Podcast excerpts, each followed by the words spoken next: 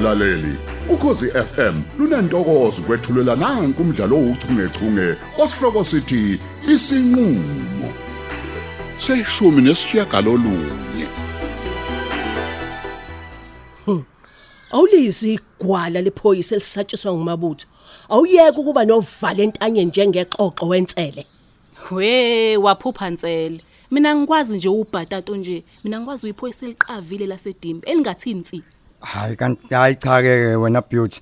Mina hayi ngoba ngimsaba umabutho. Kodwa lana nje bengizama ukusho into okuyiyona yona ngayo. Khohlwa ke yileyo yona yona yakho ntsele. Hawu. Wena kumele usebenzisane nathi ukuze sigcine sikwazile ukufinyelela emalini kamabutho. Unemali lo muntu.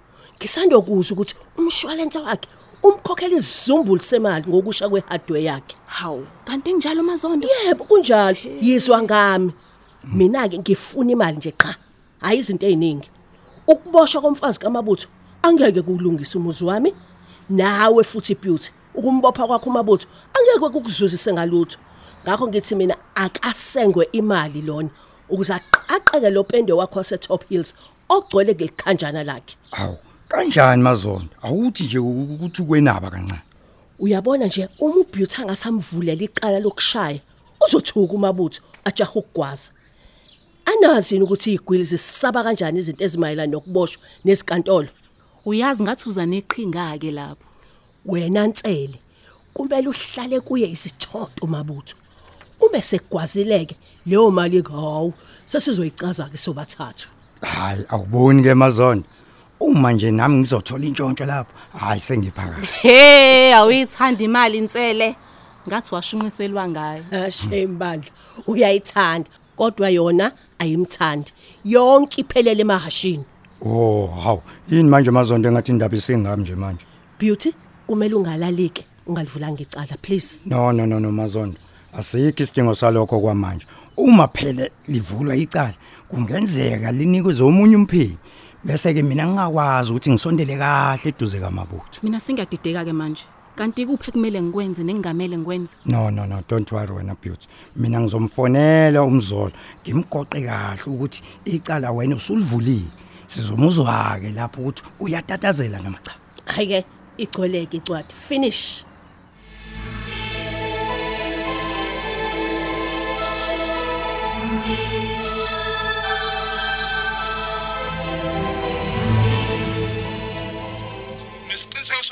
Iqiniso lento ngitshela yona kodwa noma uyayicabangela nje mthamo. hayibo njenganini lapho engangakutshela khona into engayona amabutho hayibo wangenza uthalala nje manje Umsizi lo wami impela uqomene nengane kaHamza. njengoba usho nje ngizwele ngawami yonke inkulumo kaZara ekhuluma nomngani wakhe ngokuqomana kwakhe lo uZara lo nomsizi No no no leyo nto ayiyona. Mayiyona idinga ukuthi inqando nje ingazibhebhetheke. hayi ukuthi makuyiyo vele iyona ziqomene lezi ingane njengoba ngake ngakuthi fahla ke ngizokana umfana wakho ngimbone lethi ingane labe lethu uzara embeka phambi kwegate uyakhumbula Ya ngiyakhumbula mthambo.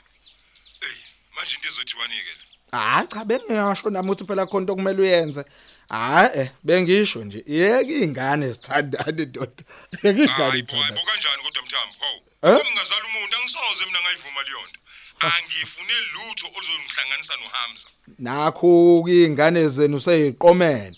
Futhi akukho ongakwenza ngiyakutshela. Kanti khona mthambo kuningi. Kuningi impela. uHamza saqabana kakhulu naye sisakhula. Sibanga umfazi wakhe lo uFatima. Mm. Manje ukuthandana kwale ingane hey kungavusa okudala okuningi osekwadlula. Hayi ngeke. Hayi angivumi angivumi impela. Ah kodwa ke mfowethu mase sibuyele emaqinisweni nje hey. Awukwazi ukukhethela ingane la kumele ithande khona nala kumele i- ingathandi khona. Nami ngiyakuphika impela lokho. Hayi akwenziwa lokho mfowethu manje. Ungazi wena. Awazi. Mm. Into nje engihlanganisa ehlanganisa umndeni wami nedimba ngiyifuna lapha ihambe khona. Awu wemadoda. Kuwe sikakhuluke. Eh. Uma kuzoba umuntu wasedimba, kuphinde futhi kuzoba ingane kaHamza, lo engabhekana nokubhekana naye. Awu. No bro wami it's a big big no. Ay. Ay. Ay.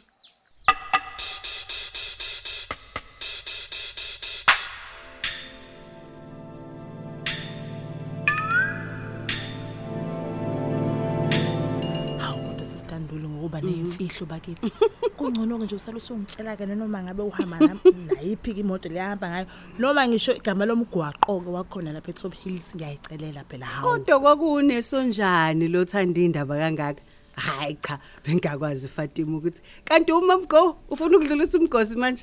hawu sister sale usungitshela ngifisa ukwazi ukuthi ubani lo muntu onenhlanhla kangaka heyibo yokuzuza inhliziyo yakho Okay, lalela ke. Kodwa ke ngiyakucela Fatima. Ungatsheli umuntu phela. Hawu kodwa nkosami, yini nje ngangakuthemba nje kodwa Fatima? Ngizothi ngikutshela indaba zami la the next thing ise ngizogcwela isibedlela sonke noklinayo nongenayo novula igate useyazazi. Ngeke. awubathi mina mina wonke lo angisoze mina ngakwenza lokho ngabe ngisithatha nje isibindi esingaka sokuhambe ngifafaza indaba zomphathi wami futhi uyangazi ke nje mina angikazi ngakhahlelwa ihasho esifubeni sister Hayi, okay, lalela ke. Lo muntu engikhuluma ngaye ngumlamuli. Uyamazi? hawu ubhuti mlamuli Ayibo. Ungangitshela ukuthi uhlobene noHamza. cha abahlobene kodwa bayalamana sister Hayi wena. Ngempela. kunjalo kodwa ngike ngakusola kumhla ungitshela ukuthi ukhuluma ngesithabathaba somuzi kanye neSUV hayibo Hayibo. Kanti umhlaba mncane kangaka. Hawu oh, yazi vele usala usumxolela kuHamza ukuze soba okoti koti sobabili. hayibo dade hey selihlangene indlela olucu sister Awu kade lwahlangana hayi manje. Njengoba nje ubona, ubawe engayiyeka ihank enjengomla. Mina nje Fatima ngase ngitshelile ukuthi yabona nje lo owami ngiyamthatha. Sengiyasuka futhi ekushimeni. Phela thina onesi sijume ngokuthi ave siyishimani mina ke sengiphumile kuleyo genge yabashimile usele wedwa wena. Hayi ke kulungile sister mina ngiyakubongela engathi nje umjolo wenu wahamba kahle. Hawu. Kodwa kwangazi ukuthi awusemnandi nje. Khona yini okusalayo kulento yami nomla Mm, hayi kodwa sister ngabe ngisola nje Nkosi yami entweni inhla kangaka okwami nje ukuthi nginifisele inhlanhla nokuthi nize niphathane kahle. Mm. Hayi siyabonga ke.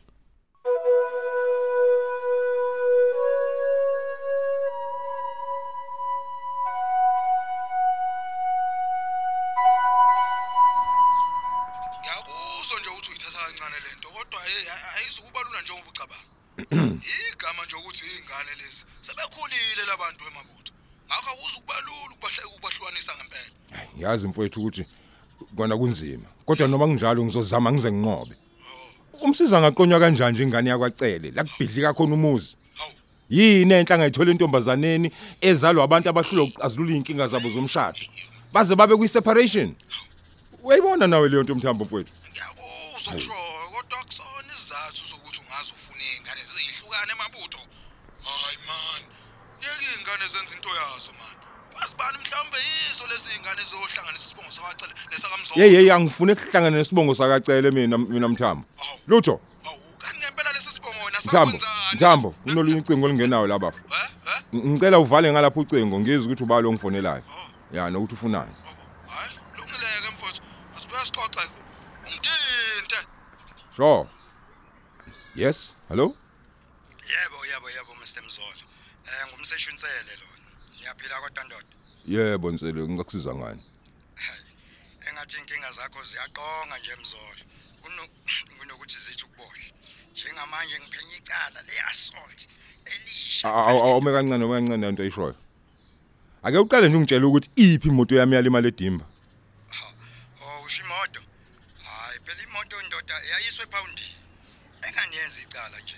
Iboshele lapho ke ePoundi. Hey ndoda, angifonele mina lokho njengamanje. Mina ngifonela icala leassault. Uma ngalelo lona. i-assault nami angikuzwa kahle awuchaze ngizwe Lalela la ndoda. Mina ngiphenya icala elivulwe nguBeauty Thulele Nthabethe. Wena owamshaya edimba ngalela langa lengozi yemoto yakho. Awusho wensela kanti wena kuphela nimsesho khona lapha edimba ubhekene namacala ha yonke into nje iyicala lasedimba iphenywa wena cha cha Mr Mzolo akunjalo sibaningi abasishi. manje wayiphela endlebeni nje yini? Hayi. Okubangela lokho phela ukuthi maningi amacala enzeka ngalela langa. kwaba i-drink and driving uyakhumbula nayo. Malicious damage to property kanye nalo-ke leli le-assault engilifonele. Yimina-ke ndoda ojutshela ukuthi abawaphenye wonke la macala. O elamike lona icala. Ubani ojutshelwe kulona? Hayi bo eh, liphi lona manje mr mzola elokushayela imoto ngaphandle kwemvume yomnikazi. Using a motor vehicle without the owner's consent. Ngubanike umphenyi ojutshelwe lona? Um mr mzolo um mina eh,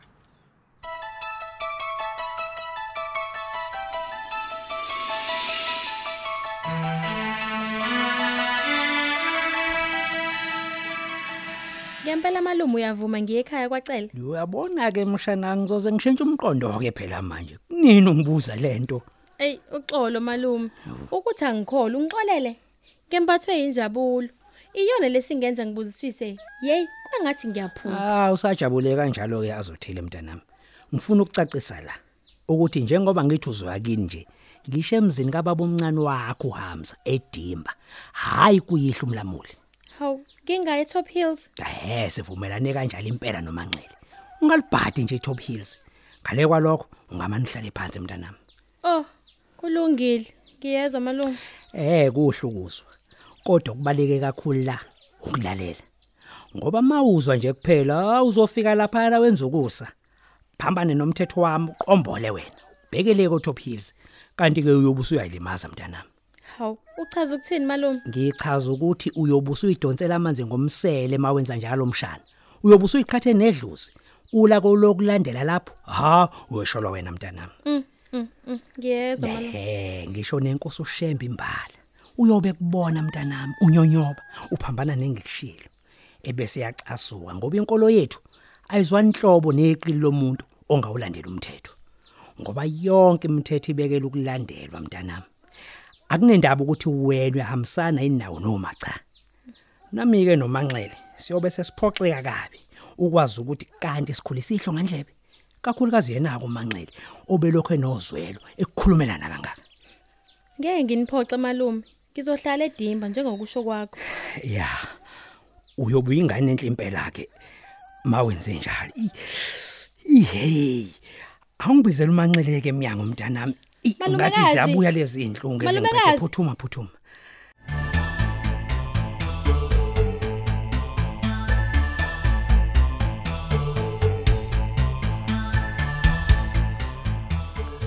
Yini? Kwenze njani tsele inkukhu inqunya umlomo. Cha hayi lutho-ke mr mr mzolo akunjalo. Mina ngumuntu womthetho mr mzolo futhi ngiyazi ukuthi umthetho uyazi ukuthi ngiyawazi. Lelo cala le-using motor vehicle without owner's consent awukwazi ukuthi uvele ulivule hawu kunamacala azovulwa nangeke avulwe manje. Ngoba yini? Kanti owena umthetho uvuna izakhamuzi zasedimba kuphela insele. Mr mzolo akunjalo njengoba imoto ibhala umisisi mzolo nje uyena kuphela umuntu onelungelo lokuvula icala ndoda. Sobabili siyazi-ke ukuthi mancane kakhulu amathuba okuthi lokho kwenzeke ngoba phela ubeauty bangabangani bokuqina. Lalela la nsele le moto okhuluma ngayo yathengwa cash hard cold cash ngemali yami. Ngoba ngikwazi ukuthi ngingabi nalungelo lokuyikhulumela. Hey we mr mzolo uyindoda ehloniphekile. Noma ngabe ungelona nje impela iphoyisa kodwa cishe ukube uyazi nawe ukuthi umthetho usebenza kakhulu ngokufakazi ndoda nezinto futhi ezibhalwe phansi. So noma ngabe wawukhipha-ke lowo cash legally umnikazi wemoto yilo osuke ebhalwe kwilogbook yemoto. Eh aze nganengwa indaba yale moto madoda. Hey hayi-ke yize unengiwe noma unengiwe mr mzolo nami kufanele ngiqhubeke phela ngenza umsebenzi wami. Yingakho-ke kuzomele usinikele esiteshini samaphoyisa. Ngecala lokushaya ubeauty thabethe ndoda. Hayi anginakuphikisa kuloko nsele angithi umthetho owenu ngiyazenzela.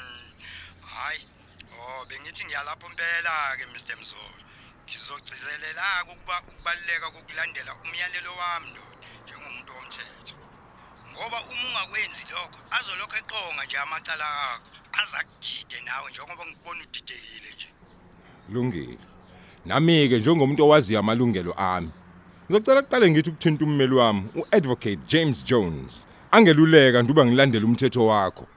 Ngiyacabanga sesiqedile ukukhuluma lansela. Bye bye Uphela kanjalo ke umdlalo wethu ouchungechunge osihloko sithi isinqulo olethelwa ukhozi FM